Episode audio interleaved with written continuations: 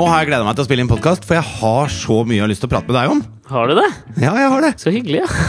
Jeg kan ta en sånn kjapp Dette er innholdsfortegnelsen på dagens podkast. Og jeg innser Oi. at det kommer jo ikke til å bli sånn, men jeg tar det allikevel. Oh, ja. Men er det ønsketenkning sånn sett, eller? For du veit jo ikke hva jeg har lyst til å prate om. Nei, men jeg går ut fra at du ikke har opplevd noe, så jeg bare kjører løpet. Jeg har lest noen bra bøker og.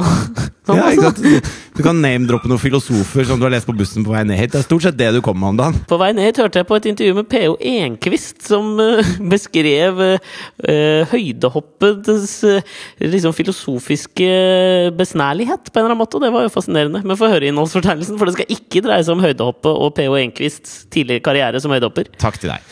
Okay. Her er innholdsfortegnelsen. Kapittel 1. Det var en mørk og stormfull natt. nei, det er ikke noe innholdsfortegnelse. Kapittel 1 heter Og det er innholdsfortegnelse vi skal ha, ja. Ja, innholdsfortegnelse. Kapittel 1. 50% har det gøy. 50% opplever ikke så mye. Ja, ok. Kapittel 2. Ja. Pinlig hos legen, ass. Å, det gleder jeg meg til. Kapittel 3. New York City. Innholdsfortegnelsen er jo, er jo som å stirre på menyen på en restaurant. Og du har lyst til å bli pirret, Ja. men samtidig har du ikke lyst til å bli skuffet når uh, fish and chips-retten med deilig remulade kommer på bordet. Nei, men dette er, det er en bra analogi, da. For det, det er jo veldig ofte at du ikke får akkurat det du trodde du bestilte på en restaurant. Breaking news når vi nå spiller inn denne på onsdag kveld norsk tid, er jo at eh, restauranten Den kjente Harry-restauranten, vil jeg påstå, da, i Oslo, Mona Lisa, jukser med rettene og serverer ikke det, eh, det de sier på menyen. Og det er liksom, er VG avslører akkurat nå. Jeg føler jo at det er litt sånn unødvendig å avsløre, fordi det der har man vel opplevd så å si hver gang man går på restaurant. Altså, de skriver at det er villsvin, og så er det bare gris. Og det er jo løgn. Men, mens hvis du sier at det er en lun bulgursalat med herlige smaker, og så er det en lun bulgursalat med sånn passe bra smaker, så, så det er jo ikke så løgn. Det er jo sånn de fleste gjør det. Jo, men smak er jo subjektivt. Samme hvor mye Hanne Kristin Rode mener at alt i hele verden skal være objektivt, så er faktisk smak subjektivt. Jo, men Subjekt. villsvin er jo ikke subjektivt. Altså, Villsvin er villsvin. Er det villsvin Jo, du har bestilt, så skal du herlige smaker i bulgursalaten er da vitterlig subjektivt. Ja, det er det jeg mener. At Bulgursalaten var et bilde på de vanlige restaurantene. Mens hvis du sier 'her er villsvin', og så får du gris, så er det noe annet. Det har du helt rett i, min gode mann. Var det noen flere kapitler i denne bokens podkastboken? Eh, veldedighetsball for unge gutter. Oi, ja, der var jeg med. ok, ja, men vet du, Dette, dette synes jeg høres ut som en veldig fascinerende innholdsfortegnelse. La meg heller Ja. da i denne ukas uh, hurratime fungere som den veggen Forrest Gump står og dunker ping pingpongballen sin mot etter at han blir skrevet ut fra Vietnamkrigen. da, Og så kan du være Forrest Gumpen denne uken og lede an med ditt blendende intellekt la Robert Zemeckis klassikerkarakter Forrest Gump. Og der syns jeg du runda av første kapittel på en helt nydelig måte. Der sa du akkurat det første kapittelet handla om. Nemlig 50% har det kjempegøy. De andre 50 har noe å komme med. Så da er vi ferdig med første kapittel. Andre kapittel. Vi går over dit. Flaut hos okay. legen, ass, heter dette kapittelet. Er dette noe du har tenkt å begynne med i podkasten, eller? Altså at du sier overskriftene på alt du skal si? Ja, jeg gjør det nå. Det, jeg okay. gjør det bare denne gangen, da. Så får vi se. Men, eh, Progressiv okay. type? Ja, kapittel to. Flaut hos legen. Ok. Jeg var hos legen her om dagen. Det er flaut, altså. Ja Hvorfor? Hva var det du var hos legen for, da? Nei, jeg har brukket armen og sånn, vet du. Og så, ok! Ja. og så sa de nede på, ned på uh, legevakta at hvis jeg skulle inn til ortopedisk, så måtte jeg ta en sånn MRSA-undersøkelse. Og det hadde de ikke gjort når jeg var hos legevakten første gang. Så da måtte jeg dra til fastlegen og få en sånn MRSA, som er da multiresistente streptokokk eh. Ok. Ja, det er, det er altså Det er det de kaller sånn sykehusbakterier, vet du, som er eh, så, sånne bakterier som er eh, resistent mot all antibiotika. Og det er jo et kjempeproblem, for da dauer vi jo sånn som man gjorde i gamle dager. Før antibiotika. Ja, ja. Så det er de veldig redd for. Og det skjønner jeg godt. Og det er fordi jeg hadde vært på sykehus i utlandet, altså Sverige, at de ville sjekke Ja. meg for det. da Så da dro jeg til legen, og så uh, trodde jeg det bare var en blodprøve, men så viste det at det er sånne swabs vet du, som ser litt ut som uh, Som ser litt ut som q-tips. Mm, mm. Så da skulle du ta det uh, i ganen min, og så under neglene mine, og opp i nesa mi. Og så sa hun at hun også måtte gjøre det i perineum. Og det vet du kanskje, vet du kanskje ikke hva er? Jo, jeg veit det, for jeg har gjort det sjøl. Ok, Fordi jeg sa 'hva er perineum', sa jeg. Jeg lærte det the hard way. Og da mener jeg virkelig the hard way. Men beskriv da, Fordi nå har jeg jo veldig lyst til å høre. Fordi nå tipper jeg det er noen av ja, tipper det er sikkert mange som ikke vet hva perineum er. Jeg visste jo ikke det før her om dagen. Når jeg var hos legen ja. Da åpner hun en skapdør inne på dette kontoret sitt, Ja. og der henger det et bilde Ja. av perineum. Ja. Men? Ble det en slags Nei, en- en forelesning? tegning, liksom? da. En tegning, Ja, ikke ja, et bilde. Ja. Uh, og det er da det, det er skrukken, rett og slett. Det er mellom ballene og rumpehullet. Ja. Det er perineum. Uh, så da sa jeg til den snille unge damen at uh, det gjør jeg selv, jeg. Og så sa hun ja, det, det var også min plan at du skulle gjøre selv. Ja. Så her har du den tingen, og så går du inn, da går du bare ut døra til venstre, og så er doen først til venstre igjen. Ja. Og så kan du gjøre det der, og så er det en luke der, hvor du kan legge det, denne, denne q-tipsen i et reagensrør tilbake inn i luka. skruk skrukke-q-tipsen. Ja, og så går jeg da inn på den doen, da. Med min ene arm, ikke sant. Jeg er jo litt handikappet. Ja. Uh, og så får jeg kneppa opp buksa, får opp beltet, i motsatt rekkefølge av det jeg sa nå. Ja. Og så tar jeg den ned på knærne. Og så, forutseende som jeg er, så skrur jeg av lokket på dette reagensrøret. For det kommer jeg ikke til å klare å gjøre etter at jeg har gnidd meg selv i perineum med q-tipsen. Så jeg, alt er klart, ikke sant? Og så tar jeg da den mellom bena, og da blir du stående i en litt sånn der ukomfortabel, litt dum Kjetil Tefke-aktig posisjon mens du gjør det. Squatting. Så swabber jeg perineum, og så putter jeg den inn, og da holder jeg eh, det reagensrøret med min gipsede arm, og så klarer jeg å skru på lokket, og så ser jeg at eh, jeg klarer ikke å så, legge den Jeg klarer ikke å ta på meg buksa før jeg har blitt kvitt det reagensrøret. Men reagensrøret kan du vel legge ned? Nei, for det lå liksom nedi noe sånn væske, og så trodde jeg den væsken da bare måtte være på tuppen av q-tippen. ikke sant? Okay. Så hvis den ble liggende For den er jo rund i den enden som er nedover. Ja. Så jeg, jeg går da med mine museskritt med buksa på knærne bort til den luka, og så åpner jeg den luka for å legge ting inn Men er der. du ute av doen nå, eller hva? hvor er Nei, du for nå? det er, en, det er en luke inne på toalettet. Som en slags sånn vareheis ikke sant? for perineumavfall. Ja, litt som, Som de du da skal putte den inn i. I gamle dager så hadde de jo sånne luker på kjøkken for å frakte den skitne vask... Den skitne tallerkenene og bestikket fra spisesalen og ned til liksom gutta på gulvet som sto og vaska opp. Nettopp. Og det er nettopp en sånn luke det var der. Ja. Og da øh, åpner jeg den luka, og så øh, ser jeg da noe papir ligge inne, på, inne i den luka. Ok. Så jeg bøyer meg ned og kikker inn av den luka, og da ser jeg at det er da skrivebordet inne på det legekontoret jeg akkurat har vært. Hæ?! Ja, sånn at Det er bare et hull i veggen. ikke sant? Så Doen er da vegg i vegg med legekontoret. Så det er ikke en boks du legger dette reagensrøret inn i. Det er rett og slett skrivebordet inne på legekontoret som jeg kom fra. Hvor hun sitter ved datamaskinen. Hvor jeg da har åpnet en luke i penishøyde. Med, med Så det er et slags enormt stort eh, doktoralt glory hole? Ja, så jeg står da der står da der med buksa på knærne. Ja. Så det eneste hun ser da, er at luka åpner seg, og så ser hun bare pikken min. Ikke sant? Og så en hånd som kommer inn med det reagensrøret som jeg har tatt meg selv i rumpa med. Og så, og så ser hun ansiktet mitt, for jeg bare Hæ, er det noe inni her? Og så kikker jeg inn, og da ser jeg henne rett i øya. Og så er- lukker jeg den lille luka igjen. Det var helt jævlig! Men det, for det, dette høres ut som Jeg, jeg satt og så på en dokumentarfilm om en eh, fyr på Island som heter eh, Siggy Jartason. Som er en, en, eh, en besynderlig skrue av en fyr. Ja. Hans store passion i livet da, Han har vært lærer i naturfag tror jeg, gjennom hele livet sitt på Island. Og der er det jo kanskje ikke så mange folk, så jeg antar at det kanskje blir litt kjedelig. Og hans store, store passion i livet, det er peniser. Ok Han elsker, han elsker peniser. Så på et tidspunkt i livet sitt Er han sitt heterofil, denne mannen? ja da, han har kone og barn og hele pakka. Oh, ja. eh, og får skussmål av sine gamle elever i denne dokumentaren som en fantastisk lærer. Om enn noe ensporet. Og ensporetheten går jo da inn på uh, fallos. For det han bestemte seg for sånn midtveis i livet sitt, var at denne interessen her, denne måtte han jo dyrke videre, liksom. Fordi alltid da han var rundt på ferier og sånn, så kjøpte han med seg penisstatuer av alle mulige slag og typer og fasonger og bredder og lengder og det du, du vet. Det høres veldig rart ut når du sier at han skal dyrke dyrke peniser videre. Ja, det høres uh, litt sånn nutty professor ut. Ja, det gjør det. Jo, nei, men det han gjør, da, er at han åpner uh, verdens første, og som eh, vidt meg bekjent, eneste penismuseum. Oh, ja. Det ligger på Island.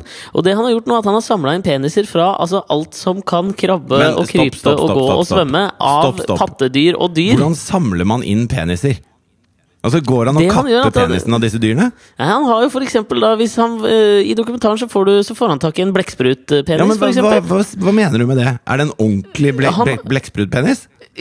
Ja, altså har en avtale med en fisker da, ikke sant, som kommer inn med dagens fang fangst. hvis du får noe av disse dyrene her, som jeg ikke har ennå, så kapp pikken Ja. han og send den til meg. Ja, altså han, der møtte han opp, da. Så har han liksom kjøpt seg fra her og der, da. Og han har så å si alt som fins av peniser i dette museet.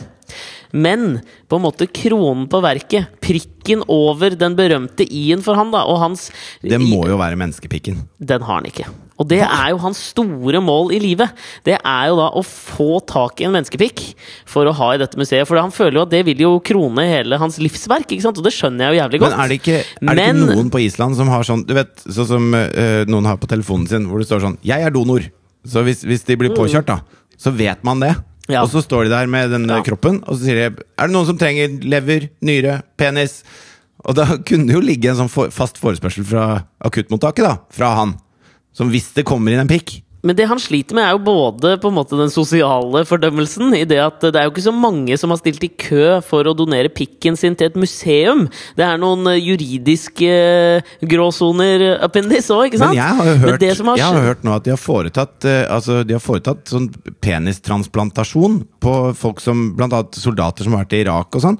Som har fått, okay. via sånn IEDs, da, fått sprengt av seg juvelene. Og at det er jo noe som eh, er stress for dem, liksom. Altså Når de kommer hjem, og de har jo ofte kone og barn som venter hjemme, og alt mulig sånn. Og det å da komme hjem uten uten penis er veldig mye mer problematisk, da. De, mange av de sier at de ville heller miste en arm, liksom. Kunne mista perineum òg. Ja, perineum er jo på en måte er vanskelig å miste, Kjøtt. Det er vanskelig å miste perineum. Ja, det var rart hvis det hadde vært et svært hull Det var svært hull mellom, mellom pikken og ræva! Hadde vært jævla problematisk sånn Og Ja, i bare hverdagen. miste det. Sånn bare, Hvordan faen sånn, ok, jeg trenger nøkler. Perineum Faen, hvor er, hvor er det? Det er veldig fint. Jo, men altså, fordi det, dette var jo det jeg tenkte på. At han har jo Siggy Hjartason har jo nå fått i hvert fall to eh, typer borte i USA. Ja. Som har liksom skrevet i testamentet sitt at de ønsker å donere penisen sin til Siggy Hjartasons penismuseum. De gutta er fornøyd med åssen de er utstørt. Det er jeg ikke i tvil om. Men dette har jo vært noen som har lovet han dette før også, og så har det kommet noen, eh, noe juridiske fiksfakserier imellom som har gjort at han ikke har fått denne pikken til å stille ut da det siste, liksom skal vi, Ja, den siste kronjuvelen, for å si det rett jeg ut. syns det er Men veldig han har rart av, av folk som har lyst på andres peniser. Eh, altså ikke sånn, ikke sånn, men sånn sånn -hmm. som du snakker om. Så, Ikke kvinner og homofile, mener du? Ne, ja, eh, nettopp det. Så er det jo eh, Det er to jeg vet om, da. Det er han, og så er det han kannibalen fra Tyskland. Så at eh, kannibalen fra Tyskland, som spiste kompisen sin penis, som fikk den frivillig, at han skulle slå ham fordi det, det jeg tenker det er mye lettere sånn sell-in. At når du dør, kan jeg få penisen din og sette den på museum. Er bedre sell-in Ja. enn mens du lever, kan jeg kappe tissen din av deg og spise den. Det er jo mye tøffere selv. Han er bedre selger, han tyskeren. Ja, kanskje, så Da hadde jeg vært litt sånn Nei, men du kunne fått nibla litt på perineum, liksom. Kan få en Jo, altså, liten perineum-carspaccio på Mona Lisa. Er det perineum, eller er det ikke? Det hadde vært gøy om avsløringen var det. Ja. De sier villsvin carpaccio. Det er ikke Nå kan begge avsløre det. Er. Perineum av menneske. Fy faen. Jo, men altså, det, var som, det var denne konspiratoriske tanken som slo meg nå. da At kanskje denne legen du går, i, eh, går til, hun er en slags uh, Hjartasons håndlanger som har installert denne falluken nettopp av den årsak at hun inspiserer hvilke peniser som er gode specimens til å kunne ha på penismuseet til Sigurd Hjartason. Du mener at hun er agent for islandsk museumsvesen? Agent Double O, hvis du tok den eh, lille artige ballereferansen der. Ja, ja, jeg, jeg skjønner. Apropos baller. Vet du at man kan ta sånn testikkelløft? Operere testikkelløft? Og at det er flere sånne eldre menn som har begynt å gjøre det, fordi at da ser liksom eh, utstyret yngre ut, da. Ja, fordi det er jo en, et kjent uh, fenomen uh, for menn som kalles the drop. Og det er jo på det kom med et slags sånn legeord, men så kom Nei. the drop. Dette er på folkemunne. Så kalles det the drop. Og det er det kjipe tidspunkt eh, når ballene henger lenger ned enn pikken. Fy Ja. fader, nå blir det mye underbukseprat her, men det er jo et veldig velkjent fenomen. Ja. Som jo mange menn frykter den dagen det kommer. Kanskje mer enn det å finne bold spots her og der. Jo, men det er er vel- det Jeg, jeg føler at du kan heller ligge med vinduet åpent på soverommet enn at du må operere deg. Fordi ballene har fremdeles vett nok til å trekke seg inn i perineum når de er veldig De varme. trekker seg ikke inn i perineum! Nei, nei, men inn i ved siden Det er naboen til perineum. Det er 667, the, the neighbor of the beast. Ja, jo, for så vidt.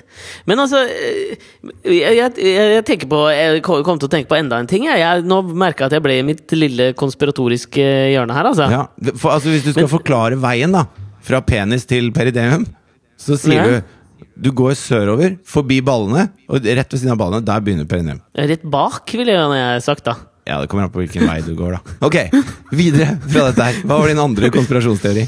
Jeg leste om eh, noe eh, som het eh, Rule 34, tror jeg det het. Ok, Og dette var jo da en slags sånn generelt akseptert internettregel som jeg aldri hadde hørt om. Jeg trodde det var oppfølgeren til De ti bud. Nei, det var, fak- det var faktisk ikke det. Kort forklart da, så går regelen ut på at hvis det fins i virkeligheten, så fins det porno av det. Ja, jeg skjønner hva du mener. Ja, og da, og da begynner jeg å tenke på Fordi hvis det da fins en, en lege som har en falluke hun ønsker å inspisere peniser i, Ja. så fins det porno av det òg. Og, og det jeg tenker da, at liksom, kan det også være at du ufrivillig nå kommer til å havne på Pornhub om et par-tre måneder? Selvfølgelig anonymisert i hodet med en sånn dårlig pixely-greie rundt. Men hvor de liksom sånn Look at this guy! Washing his perineum! Jeg kjenner jo at jeg har en sånn trang til å gå på Pornhub nå og bare skrive inn allmennpraktiserende lege på Colosseumklinikken i søkefeltet, bare for å se hva som dukker opp. Ja. Det, jeg kjenner det nå. Du, du gjør det! Du ble nervøs? Jeg ble litt nervøs. Men det er ingen som kan se at det er meg, vet du. Jeg tror jeg har en helt vanlig penis. Ja, men du har et jævla stygt perineum, da. Ja, Men det ser hun ikke fra luka si. Heldigvis.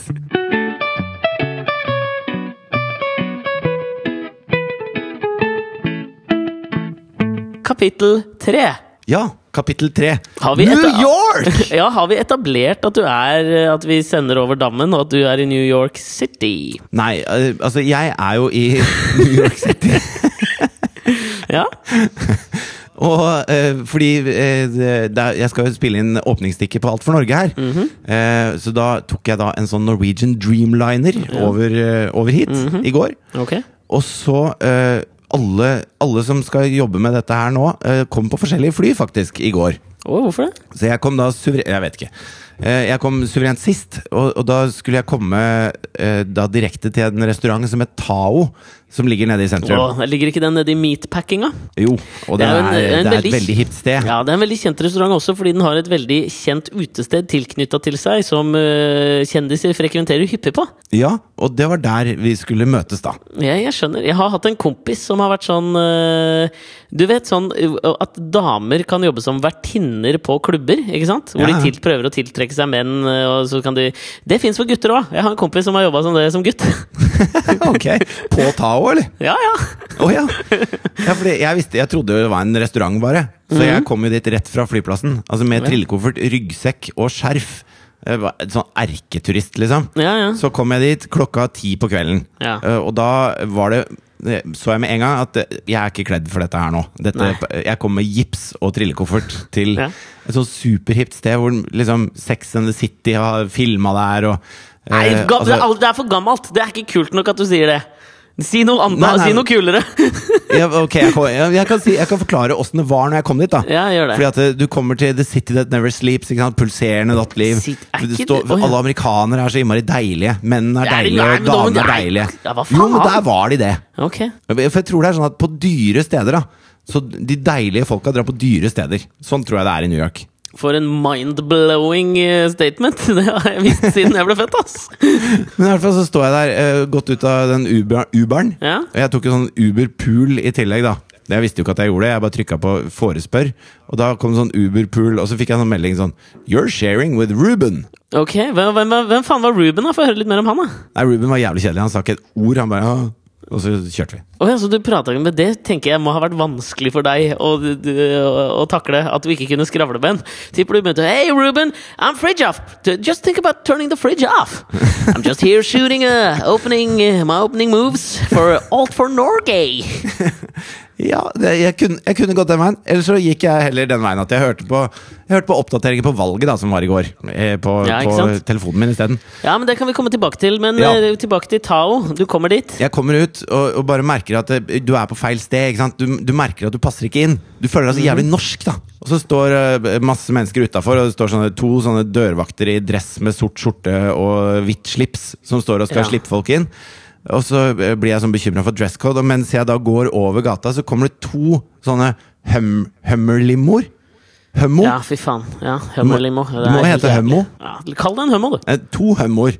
Og Ja. ut av de to hummoene så, så detter det ut masse blonde damer i sånne cocktailkjoler med stiletthæler og rosa Moët-flasker i hånda og er på vei inn på der hvor jeg skal, med trillekoffert og ryggsekk og skjerf og gips. Ja. Eh, så eh, gikk jeg nærmere, så hørte jeg at alle de damene var jo eh, norske. Det var jo rett og slett en sånn frisørbedrift oh, ja. som var på tur, da. Så da følte jeg meg litt bedre. Okay. Så jeg hang meg på de og fikk satt fra meg liksom bagene på vei inn. Og så var det der og drakk, da. Nei, nei. men du, faen, du må beskrive det kulere enn det der! Ja, men det At liksom Ellen Nicolaisen drar med seg Nikita-kjeden til en Sex and the City-utested. Det høres ikke for meg så jævlig porno ut, ass! Nei, men det var jo ikke det. Men det var jo det at det, alt så så jævlig fett utenfra ut. Og så kommer det masse jenter fra Jessheim i to hummoer. Hva faen er galt med damer fra Jessheim i cocktailkjoler? Hater du dem, eller? Nei, det er bare at de er mer eh, Altså, jeg følte meg så innmari på vidvanke da når jeg sto der. Jeg følte meg så norsk og dum.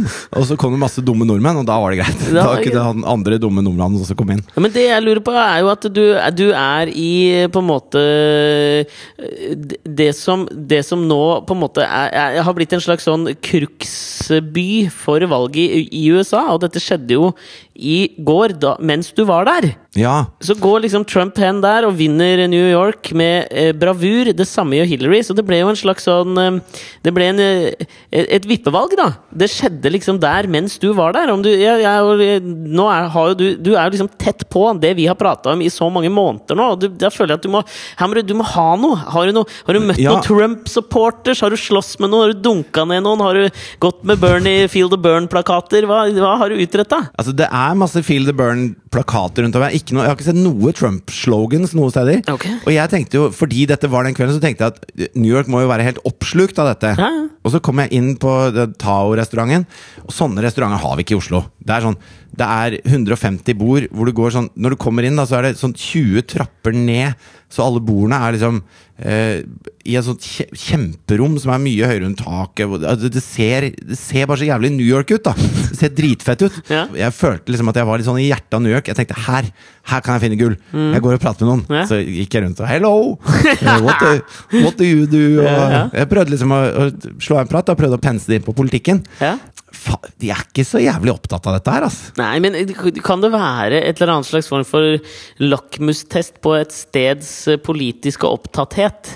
Eh, at det kommer 20 jenter Nå kan det hende at jeg fornærmer noen. Fra Nå var det du som ble fordomsfull. Ja, men kanskje. Men kan det være det? Jeg, spør, jeg, bare, jeg bare spør. Det, det kan nok hende, det. Og, og vi gikk jo videre etter hvert, og da ble, det jo flere jeg kunne prate med. Så tenkte jeg jeg må trå litt varsomt her, for hvis jeg kommer med mine type nors norske øyne på dette og, og uttaler meg som jeg har skjønt alt Amerika driver med, Ja. så kan du jo fort bli oppfatta som litt uh, ufin type, da. Ja, ja. Selv om jeg må jo innrømme at jeg føler at jeg kunne gjort det uten å ta munnen for full. Det er lov å si det, er det ikke det? selvfølgelig er det det. Men, men jeg må høre liksom sånn, var det noen du fikk prata med der om dette her? Ja, jeg prata med flere. Og hvis jeg skal trekke ut kimen i det de mener, da, Mm. de fleste jeg møtte i hvert fall, så er det jo det at de syns Trump er en kjempeidiot. Og det er jo ikke noe rart i New York. Altså Han har jo ikke noe særlig støtte i New York. Det er jo nesten ingen republikanere i New York engang. Mm. Og folk syns at Hillary er dritskummel, for hun er så jævlig politiker, liksom. Ja. Altså Alt hun sier, stemmer sånn politisk, og hun kommer aldri til å make some waves eller gjøre noen forandringer eller noen ting. Jeg synes Det beste eksempelet på det med Hillary eh, var Jeg så et intervju hun gjorde med en sånn eh, eh, afroamerikansk radiostasjon. da eh, som har et sånt morgenshow som er veldig sånn eh, et veldig svart amerikansk. De, det er en egen type humor, og det er en egen sjargong i det, ikke sant? Ja. Eh, og så eh, får hun et slags sånn Q&A, litt sånn lignende eh, Et sånt Prost-questionnaire, da, hvor hun skal svare på en hel haug med spørsmål som er veldig sånn Som skal selvfølgelig da prøve å beskrive personen, og så er, er det det de gir til alle. Og så er, er det siste spørsmålet eh, Hva er det du alltid har med deg? Altså i veska eller whatever, da. Ja, ja.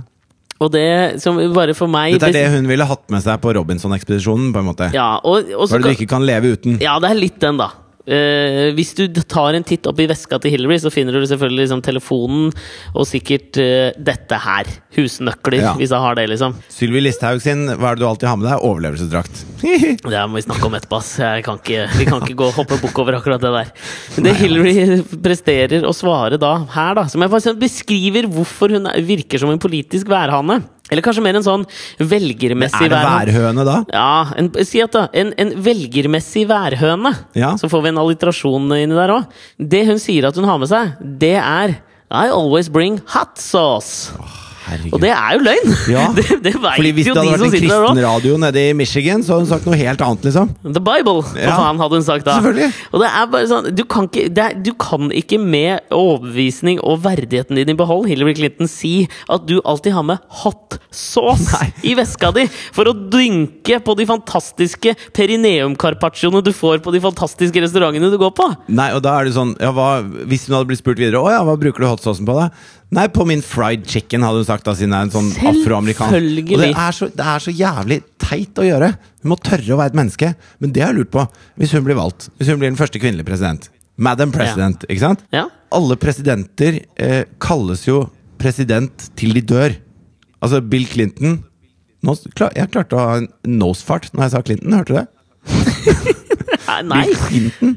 Eh, Men Bill Clinton heter jo president Clinton. Og så får du da Madam President Clinton. Men blir han da first man? Eller blir han fremdeles president Clinton? Hvordan blir dette her? Har de tenkt på dette? Jeg, jeg tror uh, at eh, president trumfer first man. Det er jeg 99% sikker på. Ja, fordi at jeg syns First Lady det har en sånn eh, en, en aura over seg. Det er en kul tittel. First Man høres veldig rart ut. Høres ut som noe du har i bryllup. Ja, Det høres ut som en forlover. Eller så, det sånn, Ja, det- det eller så høres det ut som Adam, liksom. Han var den første mannen. Men altså, hvis du, hvis du snakker om det der å liksom være seg sjøl, da altså, Du må tørre å være et menneske på en eller annen måte. Uh, så kan du jo si Hvis, hvis jeg skal legge liksom skikkelig godvilja til nå, da Ja. bare for å skape litt debatt med deg, så tenker jeg at ok er det bedre da at uh, Sylvi Listhaug kaster seg ut i en overlevelsesdrakt i, i havet for å se hvordan eh, båtflyktninger har det, enn at Hillary Clinton sier at hun alltid har med seg hot sauce til en svart radiostasjon? Nei, men Er det ikke egentlig litt av det samme? Men hvem er det Sylvi Listhaug prøver å tekkes? Hun gjør jo i hvert fall ikke det. Eller hvis hun gjør det, så er det det mest dårlige forsøket jeg noensinne har sett. Nei, altså Det Sylvi Listhaug forsøker å gjøre, så vidt jeg skjønner, da Det er jo at hun har fått masse kritikk for at hun er, hun er fullstendig uempatisk, og hun kan ikke sette seg inn i hva disse menneskene gjennomgår. Ja. Så da når hun reiser ned dit, hele turen er jo et, et forsøk på å si at jeg, jeg er ikke uempatisk, jeg har lyst til å vite hva de menneskene gjennomgår. Sånn at jeg kan si nei og vite hvorfor jeg sier nei. Ja, ja, men ja, den ser jeg. Ikke sant? Hun prøver å vise den empatiske siden. Ja. Og så er, det, så er det jo bare at eh, som så mange andre Per Sandberg-øyeblikk, så er det jo Jeg tror at hun gjorde det der i beste mening. Jeg har lyst til å gi henne the benefit of the doubt. Og tenke at eh, ok, men da tar du den helt ut. Altså du kaster deg i sjøen i tillegg, liksom. Ja. Eh, og så sier de men Sylvi, du, kan ikke, du får ikke lov å kaste deg i sjøen. Altså, det er kaldt i sjøen nå. Ja. Det er ikke, det er, du er ikke på Granca nå, liksom. Eh, du må ha på sånn drakt. Fordi at Vi kan ikke miste integreringsministeren vår i sjøen utafor Lesbos. Det, det, det funker dårlig som pressemessig. Ja. En eller annen presserådgiver har sagt det. da Så jeg sagt ok, ja, få den drakta, da.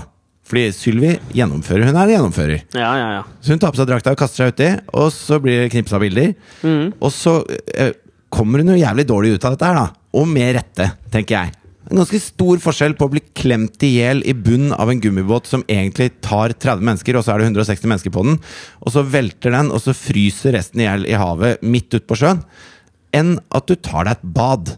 Det er to helt forskjellige ting. Ja, for det er litt sånn som jeg gjorde i går for å kjenne meg beslektet og føle hvordan de svarte slavene hadde i USA da de måtte hakke opp nye veier mens de var iført håndlenker. Så hadde jeg sex med håndjern i går, så nå føler jeg at jeg vet hvordan de har det. ja, Det er det samme som å se det på TV. da, på en måte Du gjør ingenting av det samme, du bare er i nærheten av vann. Men det som jeg skulle virkelig liksom ønske å se, altså sånn, det er et, et par-tre ting denne uka som er, hvor jeg, hvor jeg du, du, vet når du har sånne 'der skulle jeg gjerne vært flue på veggen'-øyeblikk. Ja. Og for meg denne uka så har det vært et par-tre sånne øyeblikk hvor jeg virkelig kunne tenkt meg å være flue på veggen idet noe uh, blows up i da noen andres face. Ja, for Nummer jeg, jeg er helt sikker på at det var et sånt sekund når, når Sylvi åpna avisa dagen etter. Og sånn, Og bare Nei, Hva faen! Det var sånn det så ut, ja! Helvete! Det er drit å dra. Det er jo, altså, Der skulle jeg så jævlig gjerne likt å være. Sitte sammen med Sylvi Listhaug og hennes politiske rådgiver som tenkte at dette her Dette er en photo-up! Nå hiver du det uti liksom Jeg er helt Sylvie. sikker på at de satt og high five av hverandre på Norwegian-flyet på vei hjem fra Hellas. Og bare Yes, de nå har du vist at du, at du er en del av folket, liksom. At du skjønner hva de går igjennom, og alt mulig sånn, men du bare er en, en ansvarsfull politiker i Norge. High five! Yay! Woo! Ja, så den politiske rådgiveren skrudde ikke telefonen sin på flight mode, for han satt og venta på telefonen fra Senkveld for å få henne inn som gjest på fredag. Jeg tipper de Ja. var der, ass! Nå er det bare Lindmo ringer, Senkveld ringer, nå, nå koker det, Sylvi! Og så går de av flyet, og det første som skjer, er at de skrur på telefonen, og da bare får en sånn melding av Erna som bare What the fuck er det du driver med?! og hele Norges så... Angela Merkel sitter der og bare Ja, men faen da, Sylvi! Nå må Hvorfor du skjerpe deg! da? Kunne du ikke bare holdt deg i den jævla båten, Sylvi? Ja, for det, er et virkelig sånn øyeblikk som jeg skulle så jævlig gjerne ønske at jeg var med på. Altså, jeg er litt sånn enig med deg, ja, at jeg tror ikke Sylvi Lysthaug gjorde det der med, med onde baktanker. Hun gjorde det der for Jeg tror hun virkelig mente vel, og det er derfor det er liksom sånn Jeg klarer ikke å hate henne for det. Nei. Men jeg må jo si at det er altså sånn, Det er Det vitner om en dømmekraft og en slags sånn tanke om konsekvenser som kanskje ikke egner seg helt for en politiker da, som skal bestemme over integreringen i landet vårt. Det får det meg nok heller til å tenke på enn at jeg blir så jævlig sånn forbanna på. Ja, for jeg, jeg føler at den beste sammenligningen det er eh, sånn som når, når Roald Amundsen gikk til Sydpolen, f.eks. Mm. Så har det da blitt gjenskapt i TV-programmer siden det.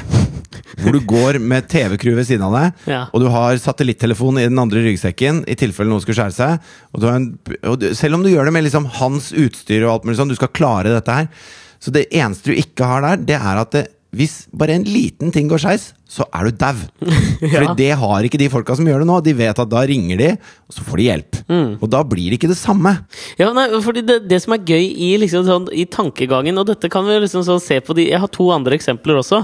Som man bør tenke på er liksom sånn Veldig smarte mennesker har sittet og tenkt på den, dette scenarioet, og så har de øh, øh, endt på det Ja, men kan jo, det kan jo ikke gå galt, dette. Nei, men Vi kan alle gå opp i sånn. Jeg husker jeg hadde sånn her med, med Thea. Hvor eh, det er jo sånn Når barn er små, så tenker de bare på seg selv. Det er ingen andre mennesker Jo, alle mennesker fins, men de eksisterer bare for å serve deg, da. Og hvis de ikke server deg tilstrekkelig, så bare hyler du i trynet på dem til du får det du vil ha. Ja, det er en sånn En veldig sånn senversjon av det selfish-genet øh, Dawkins beskriver. Og sånn er jo bitte små barn. Og så vokser de mer og mer opp, og etter hvert så utvikler man litt sånn empati. Og så går man over til at man bryr seg ordentlig om andre og hvordan de har det. Og alt mulig sånn Og akkurat den overgangsfasen der med Thea, så var det litt sånn når hun hadde med venninner hjem, så ville hun bestemme. Hun ville ha det største kakestykket, hun ville ha alt det beste, liksom.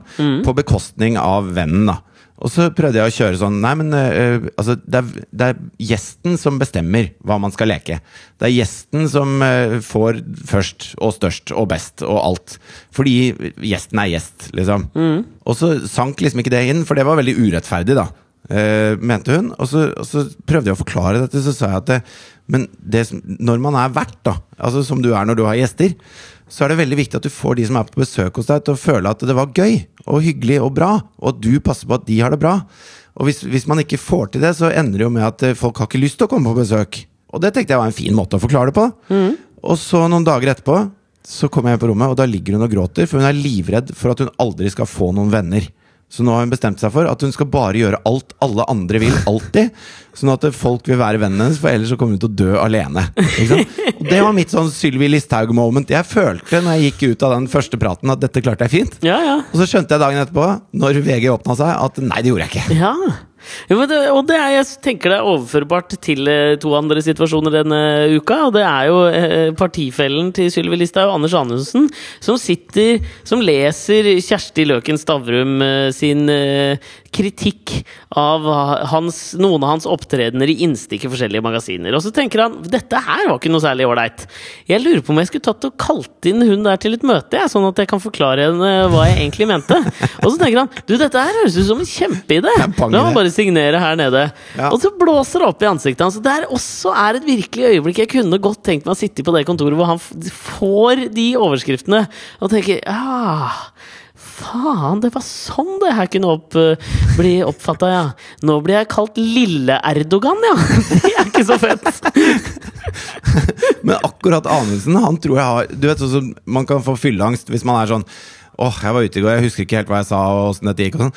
Sånn tror jeg han har det hver morgen når han går forbi Narvesen for å se på de sånn. forsidene. Bare hva som helst jeg har gjort, kan si bang når som helst.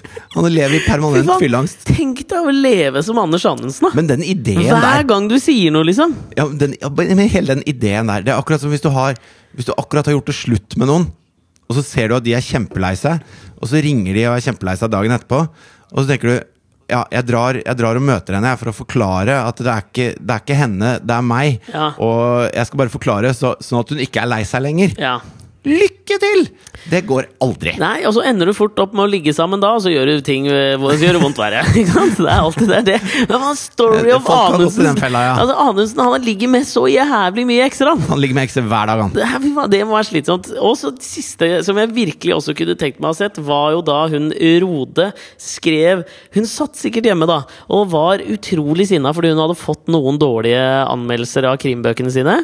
Og så bestemmer hun seg for at dette her med anmeldelser jeg støtter Erik Faber, jeg. Dette her er noe dritt. Og så skriver hun altså full av harme en hel haug med punkter hvor hun prøver å tilbakevise hele på en måte anmelderiets livsgrunnlag. Dette og, og, og hun tenker jo sikkert at idet hun skriver det, så sitter hun sikkert og tenker at dette her er jævla smart. Det er sikkert ingen som har tenkt på det her før at en anmeldelse er subjektiv. Og det bør jo ikke være sånn. Altså, hun tenker jo sikkert det. Og så smeller det i trynet hennes etterpå.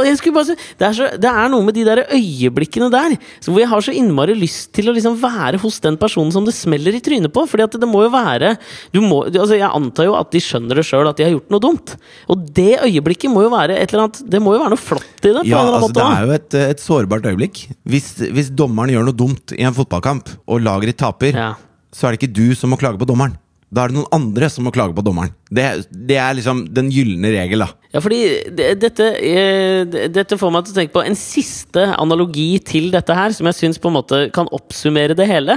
Det handler om hoffkomponisten til eh, Solkongen i Frankrike. Altså Henrik Notene. Ludvig Notene. Eh, 14. 14. Sånn var det. Eh, han eh, ansatte en hoffkomponist som het Jean-Baptiste Lully. ok. Du må alltid ha noen sånne, sånne franske navn å komme med i hver podkast, du. Ja, men Jean-Baptiste Lully tror jeg eh, egentlig var italiener. Og han var en struggling musician jævla lenge. Men så jobba han jo en av de mest hardtarbeidende eh, komponister på den tida. Og, og til slutt så klarte han å karre seg til denne hoffkomponiststillingen da, ved hoffet til eh, Solkongen. Som jo var en særdeles lukrativ eh, jobb for komponister på den tida. Fordi han eh, var jo kjent for mye, men kanskje mest for å spre om seg med ganske mye gryn. Ja. Og det Lully gjorde, var at han var, jo, han var jo så opptatt av kunsten. Og han lagde noen fantastiske ø, operaer, for all del. Men det som for meg han alltid vil være kjent for, for meg, da, det er at han på et tidspunkt da de øvde til en av hans siste operaer, så sto han og dirigerte eh, hele orkesteret som skulle spille. Og på et tidspunkt så ble han så forbanna på orkesteret fordi de ikke spilte eh, det han hadde laget, akkurat sånn han ville. Så han smalt den eh, dirigentpinnen sin i beinet sitt så hardt at det ble et åpent og sår i beina hans. Og så tenkte han Hva- Men er ikke de dirigentpinnene litt som sånn Altså Det er jo bare en, en slags blyant?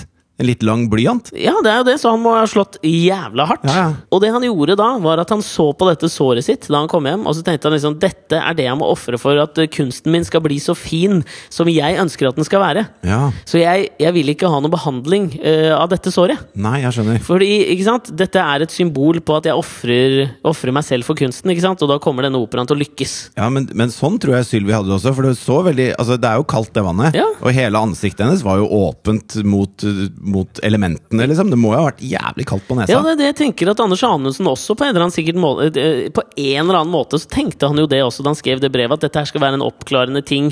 Nå skal jeg komme på godfot med hele Presse-Norge. Tipper Rode også tenkte det, da hun skulle liksom bare forklare Hun tenkte all PR er god PR. Ja, det tenkte hun, så det var jo et eller annet i det.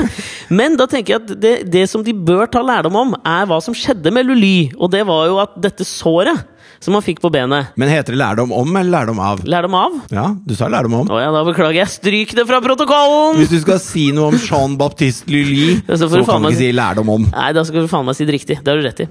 Hvis de skal dra noe lærdom av Jean-Baptiste Lulis historie, så bør jo det være følgende. Og det er at det såret til Lully, det gikk det jo faen meg infeksjon i. Han fikk koldbrann i hele beinet. Han nekta fortsatt å amputere beinet, for han skulle leve for kunsten. Han fikk aldri se den operaen bli satt opp, for han daua jo av det jævla såret fra dirigentpinnen.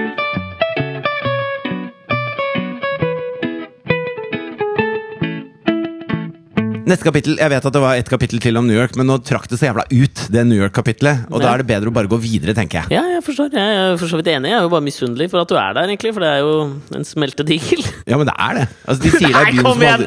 Jo, jeg kan ikke Jeg har ikke noe på smeltedigel, ass! Jo, jo. Hva faen er en smeltedigel? Du vet jo hva en smeltedigel er? Altså, det er jo bare en svær jævla bøtte, eller det er jo ikke bøtte det heter. Nei, det er altså en sånn der mursteinsgreie med masse kull i. Og så en slags peisblå, kjempestor peisblåser som blir så varm at man kan smelte jern. Ja. Det er en smeltedigel. Ja vel. Ja, da vet du det. Takk. Det er det, det er det de bruker når de lager sverd og sånn. Ikke Bruker de smeltedigel. Ja, ja. Men du må jo si at det er en smeltedigel. Altså, det er jo her det samles, på en måte. Altså, moter og meninger og trender og altså, Hvorfor er det så Hva er din aversjon mot smeltedigler? Elsker smeltedigler, ja, men jeg føler at det var en samtale jeg hadde med engelsklæreren min i 1997. Kanskje det var relevant i 97, men det er fremdeles like relevant i 2016. Ja, kom med det. Fordi at det, Ikke bare har de det Tao-stedet som jeg snakket om i sted, men i går de sier at det er byen som aldri sover. Det er løgn. Mm. For Vi var ute ganske seint i går, og da var det Den sov, ass. Den sov skikkelig. Ja. Det var ingen på gaten og sånn. Og så fant de da en sånn liten pub et eller annet sted i Brooklyn som jeg ikke vet hvor Jeg vet ikke hvor jeg var. Ok. Der var det mye roligere, og så var det litt sånn farlig.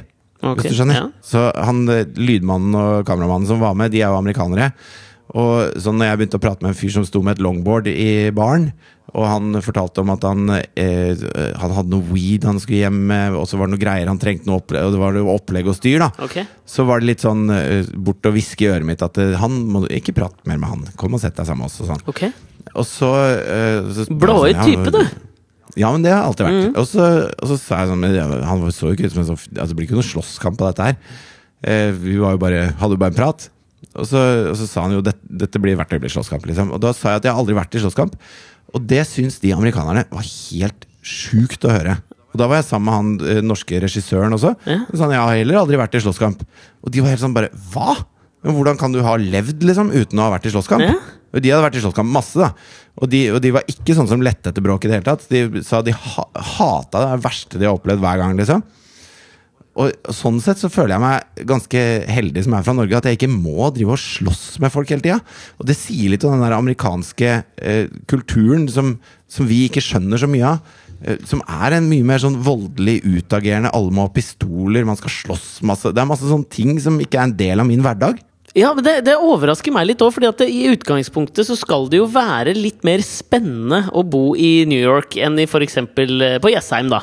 Ja. Og det jeg tenker på er jo sånn for- For eksempel fordi de, eh, for de driver og forsker jævlig mye på hvordan de skal eh, Jo lenger vi, vi reiser ut i rommet, da, vi mennesker, jo lenger ut vi kommer jo mer forsker de på liksom sånn psykologien rundt det å være borte fra noe lenge, og det å kjede seg, og det å ha lite å gjøre. Hvordan skal astronauter som er mye ute i rommet, på en måte, eh, hvordan skal vi maksimere deres eh, opplevelse av dette på en god måte? da? Ja. Sånn at det ikke klikker for dem. ikke sant? Og det de gjør, for eksempel, da, er jo at istedenfor at de gir med dem som før i tiden, da vi reiste til månen, da, for eksempel, så fikk eh, bare astronauter med seg liksom ferdigmat. For det skulle være så enkelt som mulig for dem å lage mat. Altså, alt var ferdig pakka. ikke sant? De fikk med seg en lasagne. Den var ferdig. Det de gjør nå, er at de, de Jeg trodde de fikk med sånne piller, Ja. Sånne små piller med lasagnesmak. Som hadde masse næring i seg, bare. Jeg tror det bare er på film, jeg. Ja, men det har jeg sett på Nei, film. det fins jo i virkeligheten nå, men jeg tror liksom det de i hvert fall gjør nå, da, som de etterstreber for, for astronauter, det er jo at de gir med dem alle ingredienser til mat, som bare ett eksempel. Fordi at det gir dem en viss sånn følelse av normalitet, og at du kan gjøre noe og eksperimentere litt sjøl. Så istedenfor så gir de eh, lasagneplater og kjøttdeig og alt mulig sånn, sånn at de faktisk kan lage maten sjøl. Og det gir dem en mer sånn det, Da blir liksom hverdagen litt mer spenstig. Og en litt artig ting. Men det må jo være jævlig vanskelig. Altså, tenk deg, altså, du er vektløs, ikke sant? Ja, ja. Og så skal du prøve å steke kjøttdeig. Sånn i helvete gjør det det? Ja, det må jo stikke av hele tida. Det blir jo en slags sånn, slags sånn rolig kjøttbadminton med stekespaden. Ekstremt slow cooked meat, tror jeg det er. Men det må jo være kjekt også, da. At du kan bare liksom Bare la alle ingrediensene henge rundt hodet ditt. Sånn at du bare kan da, ta den gulroten og ta Ja, det må være drittfett. Bare kniven må du passe på. At ikke Det skal du kniven være henger et eller annet sted. jævla forsiktig med. Men altså, dette er jo det som er litt, et litt artig poeng også, som jeg leste om, som de gir til eh, astronauter for å sprite opp hverdagen deres. Det er, apropos Hillary Clinton, at de får jævlig mye hot sauce med, og tabasco og sånn, fordi da blir maten eh, sterkere, og så får de en eller annen, sånn, en eller annen meropplevelse av det de spiser, som gjør det litt sånn litt mer levelig å være ute i rommet. Og det er det jeg tenker kan være overførbart i New York, som gjør at jeg blir overraska over det du sier. Okay. Og det er at det bør jo være mer spennende å leve i New York. Sånn at for New Yorkere Altså For nordmenn så vil jo da en slåsskamp være den tabascoen som på et eller annet nivå krydrer hverdagen med noe annet. Ja. Så det bør jo egentlig være mer for oss. Altså Vi i Norge burde jo selvfølgelig da slåss mer. Det burde vært New Yorkerne som sa liksom sånn Oi, shit, har du slåss så jævla mye, liksom?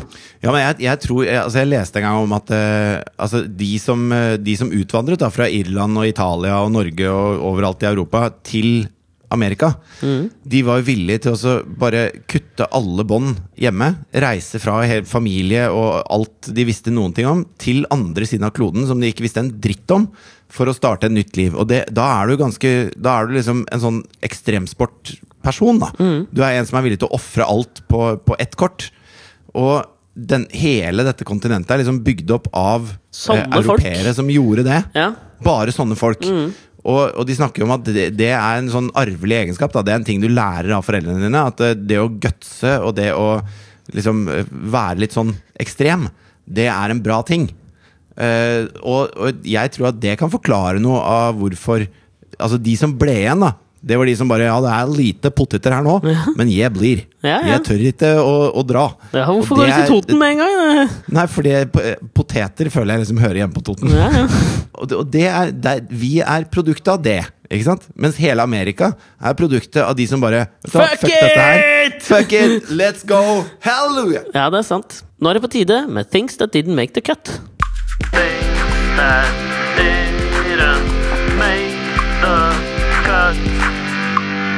Jeg eh, har for første gang i mitt liv møtt Sofie Elise.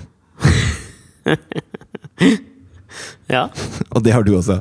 ja, jeg tror jeg møtte henne før, jeg, men allikevel. Ja. Ja, ok. Ja, ja. Men vi møtte henne jo sammen på, på en, eh, en søndagskveld, faktisk. Hvor vi var ute og drakk litt eh, Det var jo forrige søndag, da. Det var forrige søndag. Ja. Eh, og jeg må si at jeg skjønner, når jeg ser bilder av henne, så skjønner jeg hva hun prøver på. Altså Hun prøver å være eh, Å se ut sånn som hun ser ut. Ja. Eh, det er med vitende overlegg. Ja. Men når du ser det der på nært hold, ja. i levende live, ja. ser faen meg ganske rart ut, altså. Nei, Jeg syns det er ganske nydelig. Altså. Ja, men slutt, slutt å tulle, da! Det er jo noe uvanlig i det, syns jeg. Ja. Og det er det som tiltaler meg litt. Fordi det der er faen ikke folk jeg ser hver dag. Nei. Og derfor blir jeg, jeg, derfor blir jeg pirra på en ikke-seksuell måte av akkurat det synet, og det fascinerer meg. Ja, det, men det blir sånn sånne folk som har tatt tatoveringer i hele ansiktet for meg.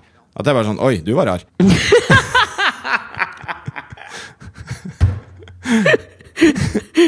satt du Vi satt rundt bordet der, Ja. og der, sitt, der satt det flere. Ja.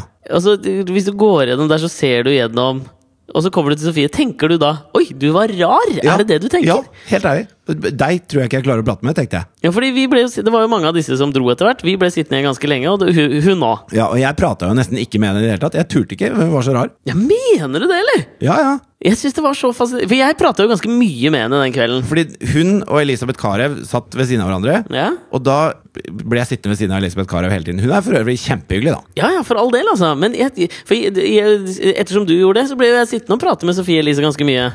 Ja, du trakk det kortet. Ja, men det, altså, det var jo et fantastisk kort å trekke. Fordi det var så langt unna meg og min hverdag som jeg tror det er ja, det er, lang, det, er, det er type ytterste her i Norge, tror jeg. Altså, at det kan komme, liksom. Ja. Og det er jo de mest fascinerende samtalene man kan ha, tenker nå jeg, da. For hun leser nok ikke disse bøkene som du leser om disse franske filosofene og sånn. Det er ikke så mye av det. Jeg hørte henne, jeg hørte henne på en podkast. Det er en som heter Makeup-Malin, tror jeg, som har en podkast.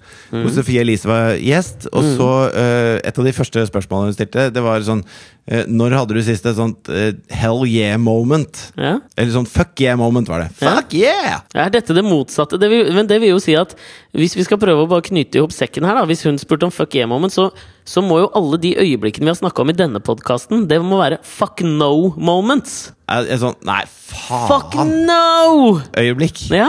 Så de snakka da om fuck yeah moments. Ja. Og, så, og så skulle Sofie Og da, det var tydelig at eh, hun hadde ikke fått vite disse spørsmålene på forhånd. Mm. Og det er jo fan av at man ikke skal, men veldig ofte hvis du spør om sånn Når hadde du ditt beste fuck yeah moment? Så er det en sånn ting man må lete litt i huet sitt etter å finne. Ja, ja. Det er ikke sånn at det bare smakk, så sitter det. Nei. Så uh, det ble sånn stille fra Sofie Elise, og så sa hun sånn Nei, det var rart da vi skulle bli sånn eh, filosofiske her. Og så tenkte jeg filosofisk? Å ja, nå kommer hun sikkert med et eller annet filosofisk, tenkte jeg da. Og så sa hun jo. Og da var det liksom noen bilder hun hadde tatt som hun var veldig fornøyd med. Og jeg bare Hæ? Nå, jeg, er det filosofisk? Jeg skjønner ingenting. Det satt du og prata med.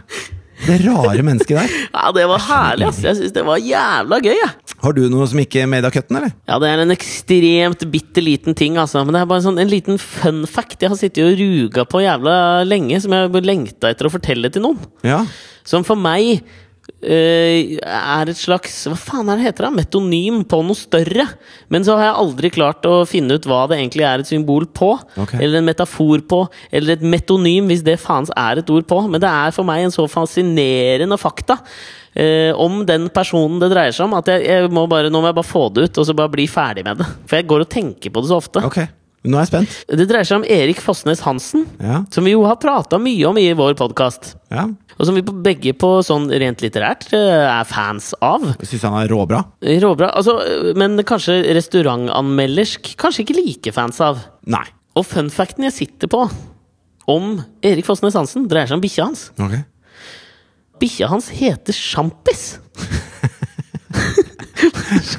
Men skjønner du hva jeg mener? At det er en helt unyttig faktakunnskap å sitte på. Ja. Men for meg så er det, det er et eller annet med det som gjør at jeg liker Erik Fossnes Hansen både bedre og dårligere samtidig. Jo, men altså eh, Det er jo Faen, altså. Det er jo litt vakkert. Fordi at det, det jeg er keen på nå, det er å se denne, denne beryktede forfatteren Ja. gå rundt i Sofiemøyparken og rope 'sjampis'. Det er jo Det er jo akkurat, dritfett. det er jo akkurat det du ønsker deg. Og så finne, finne sjampis. Og så ser Erik Fossnes Hansen i det veldig sånn mundane øyeblikket som er å plukke opp bæsjen til sjampis.